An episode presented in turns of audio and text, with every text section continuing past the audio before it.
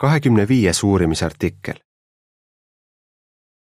seda artiklit uuritakse ajavahemikul kahekümne kolmandast kuni kahekümne üheksanda augustini. kuidas sinu käitumine mõjutab usukaaslasi? juhttekst. vaadake, et ei põlgaks ühtki neist väikestest. Matteuse kaheksateist kümme. alguslaul number sada kolmteist. rahu meie pärisosa ülevaade. kuna me oleme ebatäiuslikud, siis võime kõike öelda või teha midagi, mis teeb meie usukaaslastele haiget. kas oleme sel juhul varmalt valmis vabandama ja suhteid korda seadma? või kas me järeldame, et kui keegi solvub, siis see on see tema, mitte meie probleem? kuidas on lood siis, kui me ise sageli teiste sõnade või tegude tõttu solvume?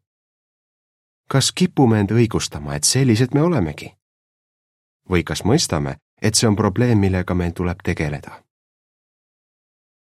lõik üks, küsimus. mida on Jehova meist igaühe puhul teinud? Jehova on igaüht meist enda juurde tõmmanud. mõtleme korraks, mida see tähendab. Jehova jälgis hoolega miljardeid inimesi. ta vaatas sind ja nägi sinus midagi väärtuslikku sinu siirast südant, kus võib hakata võrsuma armastus tema vastu. Jehova tunneb, mõistab ja armastab sind. kas pole julgustav? lõik kaks küsimus. kuidas näitas Jeesus, et Jehovale on kallis iga tema teenija? Jehova hoolib nii sinust kui ka kõigist sinu kristlikest vendadest-õdedest selle näitlikustamiseks võrdles Jeesus Jehovat karjasega. mida teeb karjane, kui üks tema sajast lambast kaotsi läheb? ta jätab üheksakümmend üheksa lammast mägedele ja läheb seda ühte eksinut otsima. kui ta lamba üles leiab, ei ole ta tema peale vihane, vaid hoopis rõõmustab. mis on selle loo mõte? Jehoval on kallis iga tema teenija. Jeesus ütles mu isa, kes on taevas, ei taha, et ükski neist väikestest hukkuks. Matteuse kaheksateist, kaksteist kuni neliteist. lõik kolm, küsimus. mida me selles artiklis arutame? me ei taha kunagi oma vendadele ja õdedele komistuskiviks saada. mida selleks teha? ja mida teha siis, kui keegi on komistuskiviks meile? selles artiklis arutame neid küsimusi ent esmalt vaatame, keda pidas Jeesus silmas, kui ta rääkis neist väikestest. pea kalliks igat usukaaslast. lõik neli, küsimus. keda Jeesus silmas pidas, kui ta rääkis neist väikestest? kui Jeesus rääkis neist väikestest, mõtles ta kõiki oma jüngreid. ükskõik, kui vana keegi neist on, on nad mõnes mõttes nagu lapsed sest nad on valmis Jeesuselt õppima. kuigi neil on erinev taust, kultuur ja mõtteviis, usuvad nad kõik Jeesus Kristusesse. ja tema omakorda armastab neid kõiki väga. lõik viis küsimus. kuidas suhtub Jehova sellesse, kui keegi saab mõnele tema teenijale komistuskiviks või teeb talle haiget? et mõista, kuidas Jehova suhtub oma teenijatesse võiksime mõelda sellele, kuidas meie suhtume lastesse. Nad on meile väga kallid. me soovime neid kaitsta, sest neil pole sellist jõudu, kogemusi ja tarkust nagu täiskasvanutel. meile ei meeldi, kui kellelegi tehakse haiget, ent eriti ärritav on see, kui haiget tehakse lastele. samamoodi tahab Jehova meid kaitsta ja ta on ärritunud, koguni vihane, kui keegi saab mõnele tema teenijale komistuskiviks või teeb talle haiget. lõik kuus, küsimus. kuidas suhtub Jeesuse jüngritesse praegune maailm? mis mõttes veel võib öelda, et Jeesuse jüngrid on nii-öelda väikesed? mõtle, keda peetakse selles maailmas tähtsaks. Need on rikkad, kuulsad ja mõjuvõimsad inimesed. Jeesuse jüngrid näevad aga olevat selle maailma silmis nõrgad ja tähtsusetud muidugi ei suhtu neisse niimoodi Jehova. esimene korintlastele üks, kakskümmend kuus kuni kakskümmend üheksa ütleb. Te näete iseenda näite varal, vennad, et Jumal ei ole kutsunud palju inimeste seisukohast tarku, palju vägevaid ega palju kõrgest soost inimesi, vaid Jumal on valinud need, kes on maailma silmis rumalad, et häbistada tarku. ja Jumal on valinud need, kes on maailma silmis nõrgad, et häbistada tugevaid. Jumal on valinud need, kes on maailma silmis tähtsusetud ja kellele vaadatakse ülalt alla ning selle, mis midagi ei ole, et teha tühiseks see, mis midagi on, et keegi ei kiitleks Jumala ees. lõik seitse, küsimus. millist suhtumist usukaaslastesse Jehova meilt ootab? Jehova armastab kõiki oma teenijaid, ükskõik, kas nad on teda teeninud vähe või palju aega. kuna kõik vennad ja õed on tähtsad Jehovale, peaksid nad olema tähtsad ka meile. me tahame armastada kogu vennaskonda, mitte vaid mõnda usukaaslast. me peaksime tegema kõik, mis võimalik, et neid kaitsta ja toetada. kui mõistame, et oleme kellelegi haiget teinud, ei peaks me seda kergelt võtma, järeldades, et see inimene on liiga tundlik ja et ta peaks sellest üle saama. miks võivad mõned kergemini solvuda?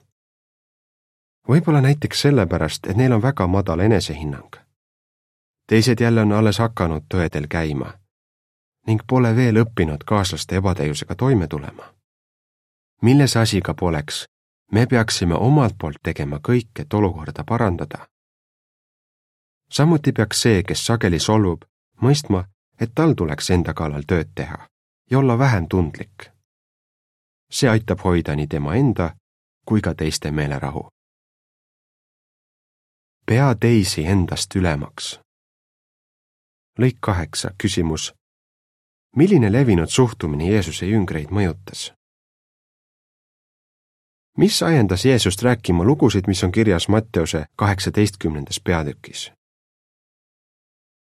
Tema jüngrid olid temalt küsinud, kes on suurim taeva kuningriigis. ühiskondlik positsioon oli tolle aja juutidele väga tähtis. üks õpetlane on öelnud, et au, kuulsus ja teiste lugupidamine oli paljude elus kõige olulisem. lõik üheksa, küsimus. mida tuli Jeesuse jüngritel ette võtta? Jeesus teadis, et tema jüngritel tuleb kõvasti vaeva näha, et juudi kultuuris valitsev võistlusvaim endast välja juurida. ta ütles neile, kes teie seas on suurim, olgu nagu noorim ja kes juhib, olgu nagu see, kes teenib. Luuka kakskümmend kaks, kakskümmend kuus. meie saame seda nõuannet järgida, kui peame teisi endast ülemaks. mida rohkem me sellist hoiakut arendame, seda vähem tõenäoline on see, et me saame teistele komistuskiviks. lõik kümme, küsimus. millist Pauluse nõuannet meil tuleks järgida? kõik meie vennad ja õed on meist milleski paremad. seda pole raske mõista, kui me mõtleme nende positiivsetele omadustele. meil tuleks võtta kuulda Pauluse nõuannet korintlastele. ta ütles. Mis teeb sind teisest paremaks? tõesti, mis on sinul, mida sa poleks saanud Jumalalt? aga kui sa oled selle temalt saanud, miks sa siis hoopled, otsekui oleksid sa selle ise saavutanud? esimene korintlastele neli seitse. me peaksime hoiduma kiusatusest tõmmata endale tähelepanu või mõelda, et oleme teistest paremad. kui mõni vend peab häid kõnesid või mõnel õel õnnestub alustada piibli uurimisi, peaksid nad selle eest tooma au Jehovale. andesta südamest. lõik üksteist küsimus mida me õpime kuninga ja orja loost? peagi pärast seda, kui Jeesus hoiatas oma jüngreid, et keegi ei tohiks saada teisele komistuskiviks, rääkis ta loo kuningast ja tema orjast. Kuningas tühistas oma orja võla, mis oli nii suur, et too poleks suutnud seda mitte kunagi tagasi maksta. hiljem aga polnud see ori ise valmis kustutama oma kaasorja palju väiksemat võlga seepeale lasi kuningas selle halastamatu orja vanglasse heita. mida meie sellest õpime? Jeesus ütles. samamoodi teeb mu taevane isa teiega, kui te oma vennale südamest ei andesta. Matteuse kaheksateist, kakskümmend üks kuni kolmkümmend viis. lõik kaksteist, küsimus. kuidas mõjutab see teisi, kui me kellelegi ei andesta? selle nurjatu orja teod ei mõjutanud vaid teda ennast. esiteks tegi ta halba kaasorjale, lastes ta vanglasse heita, kuni ta oma võla ära maksab. teiseks tegi ta haiget teistele orjadele, kes nägid, mis toimus. Jutustuses öeldakse, et kui teised orjad nägid, mis juhtus, kurvastasid nad väga. samamoodi mõjutavad meie teod teisi. kui keegi käitub meiega pahasti ja me ei andesta talle, siis mis juhtub? esiteks me teeme haiget talle, sest me ei käitu temaga armastavalt, võib-olla isegi ignoreerime teda. teiseks, see tekitab ebamugavust meie usukaaslastes, kes näevad, et meil on selle inimesega suhted korrast ära. lõik kolmteist, küsimus. mida me võime õppida ühe pioneeri kogemusest? kui me oma usukaaslastele andestame, tuleb see kasuks nii meile endile kui ka teistele. mõtleme näiteks ühele pioneerile nimega Kristal. üks õde tema koguduses tegi talle haiget. Kristal meenutab. Selle õe sõnad lõikasid mõnikord nagu noaga. kuulutustel ei tahtnud ma temaga isegi samas autogrupis olla.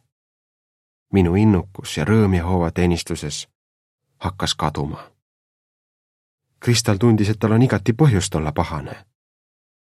kuid ta ei jäänud pahaseks ega hakanud ennast haletsema. ta rakendas ellu nõuandeid, mis on artiklis Andke südamest andeks. Vahitorn, tuhat üheksasada üheksakümmend üheksa, viieteistkümnes oktoober. seejärel andis ta sellele õele andeks. Kristal sõnab. nüüd ma mõistan, et me kõik pingutame selle nimel, et riietuda uude isiksusse ning et Jehova andestab meile heldelt iga päev. tundsin, otse kui oleks suur koorem mu õlgadelt langenud. sain oma rõõmu tagasi. Lõik neliteist, küsimus. mida Peetrus Jeesuselt küsis ja mida me Jeesuse vastusest õpime? me teame, et meil tuleb teistele andestada, kuid seda ei pruugi olla kerge teha Peetruski võis vahel nii tunda. Matteuse kaheksateist kakskümmend üks, kakskümmend kaks ütleb. siis tuli Peetrus Jeesuse juurde ja küsis. isand, mitu korda ma pean oma vennale andestama, kui ta minu vastu pattu teeb? kas kuni seitse korda? Jeesus kostis talle. ma ütlen sulle, mitte kuni seitse korda, vaid kuni seitsekümmend seitse korda. mis siis aitab meil teistele andestada? esiteks mõtle sellele, kui palju on Jehova sulle andestanud. me ei vääri seda, kuid ta ikkagi andestab meile heldelt. Samuti tuleb meil üksteist armastada. niisiis pole andestamine valiku küsimus, me võlgneme seda vendadele ja õdedele. teiseks mõtle sellele, mis andestamisega kaasneb. see võib aidata inimest, kes meie vastu eksis. see võib edendada koguduse rahu kaitsta meie suhteid Jehovaga ja võtta koorma meie õlgadelt. kolmandaks, palu abi Jehovalt, kes ootab, et me teistele andestaksime. me vajame tema abi, et mitte langeda saatana lõksu. ärgem siis laskem saatanal rikkuda meie suhteid oma usukaaslastega. järgneb lõikudega kolmteist ja neliteist seotud piltide selgitus üks õde on teise õe peale ärritunud. pärast seda, kui nad on asja omavahel ära lahendanud, jätavad nad selle selja taha ja teevad koos rõõmsalt kuulutustööd. pildi allkirjaks on küsimus. kas sa pead vimma või andestad südamest? ära lase millelgi saada endale komistuskiviks. lõik viisteist, küsimus mida me peaksime tegema, kui mõni vend või õde teeb meile väga haiget? Kuidas on lood siis, kui usukaaslane on teinud midagi, mis sulle väga haiget teeb? tee kõik, mis võimalik, et hoida rahu. palu siiralt ja hoovalt abi, et ta aitaks seda inimest, kes sind solvas. palu, et ta aitaks sul näha tema häid omadusi, neid, mille pärast Jehova teda armastab. kui sa ei suuda tema tegu unustada, siis mõtle läbi, kuidas oleks kõige parem temaga rääkida. Ja alati oleks hea eeldada, et sinu usukaaslane ei tahtnud sulle meelega haiget teha. temaga rääkides ära omista talle halbu motiive. ent mis siis, kui ta ei soovi rahu sõlmida? ära anna alla. piibel ütleb, et meil tuleb üksteist sallida. tekstis kolosslastele kolm kolmteist on kirjas sallige üksteist ja andke üksteisele heldelt andeks, kui kellelgi on põhjust kaebuseks teise vastu. nagu Jehova on teile heldelt andestanud, nii tehke ka teie. kõige tähtsam põhjus, miks mitte vimma pidada, on see, et vimm kahjustaks sinu suhteid Jehovaga. ära lase millelgi saada endale komistuskiviks. nii tõendad, et sa armastad Jehovat üle kõige lõik kuusteist küsimus. Milline vastutus igaühel meist on? meil on hea meel Jehovat ühtselt teenida. raamatus organiseeritud Jehova tahte täitmiseks leheküljel sada viiskümmend kolm öeldakse, et igaühel meist lasub vastutus ühtsusele kaasa aidata ja et meil on vaja pingutada selle nimel, et näha oma vendi-õdesid Jehova pilgu läbi. me teame, et Jehoval on iga tema teenija kallis kas ka sulle on iga su usukaaslane kallis? Jehova paneb tähele kõike, mida sa nende heaks teed ja hindab seda. lõik seitseteist küsimus. mida meil tuleks otsusekindlalt teha?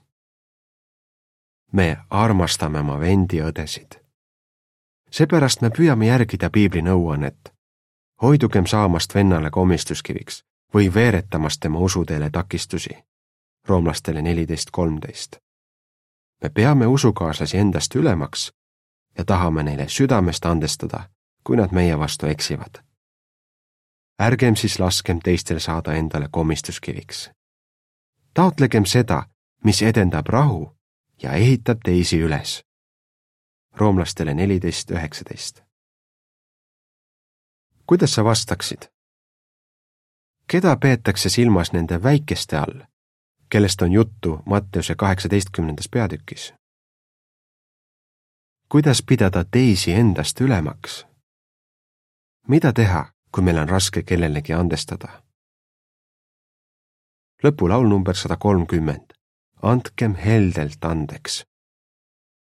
artikli lõpp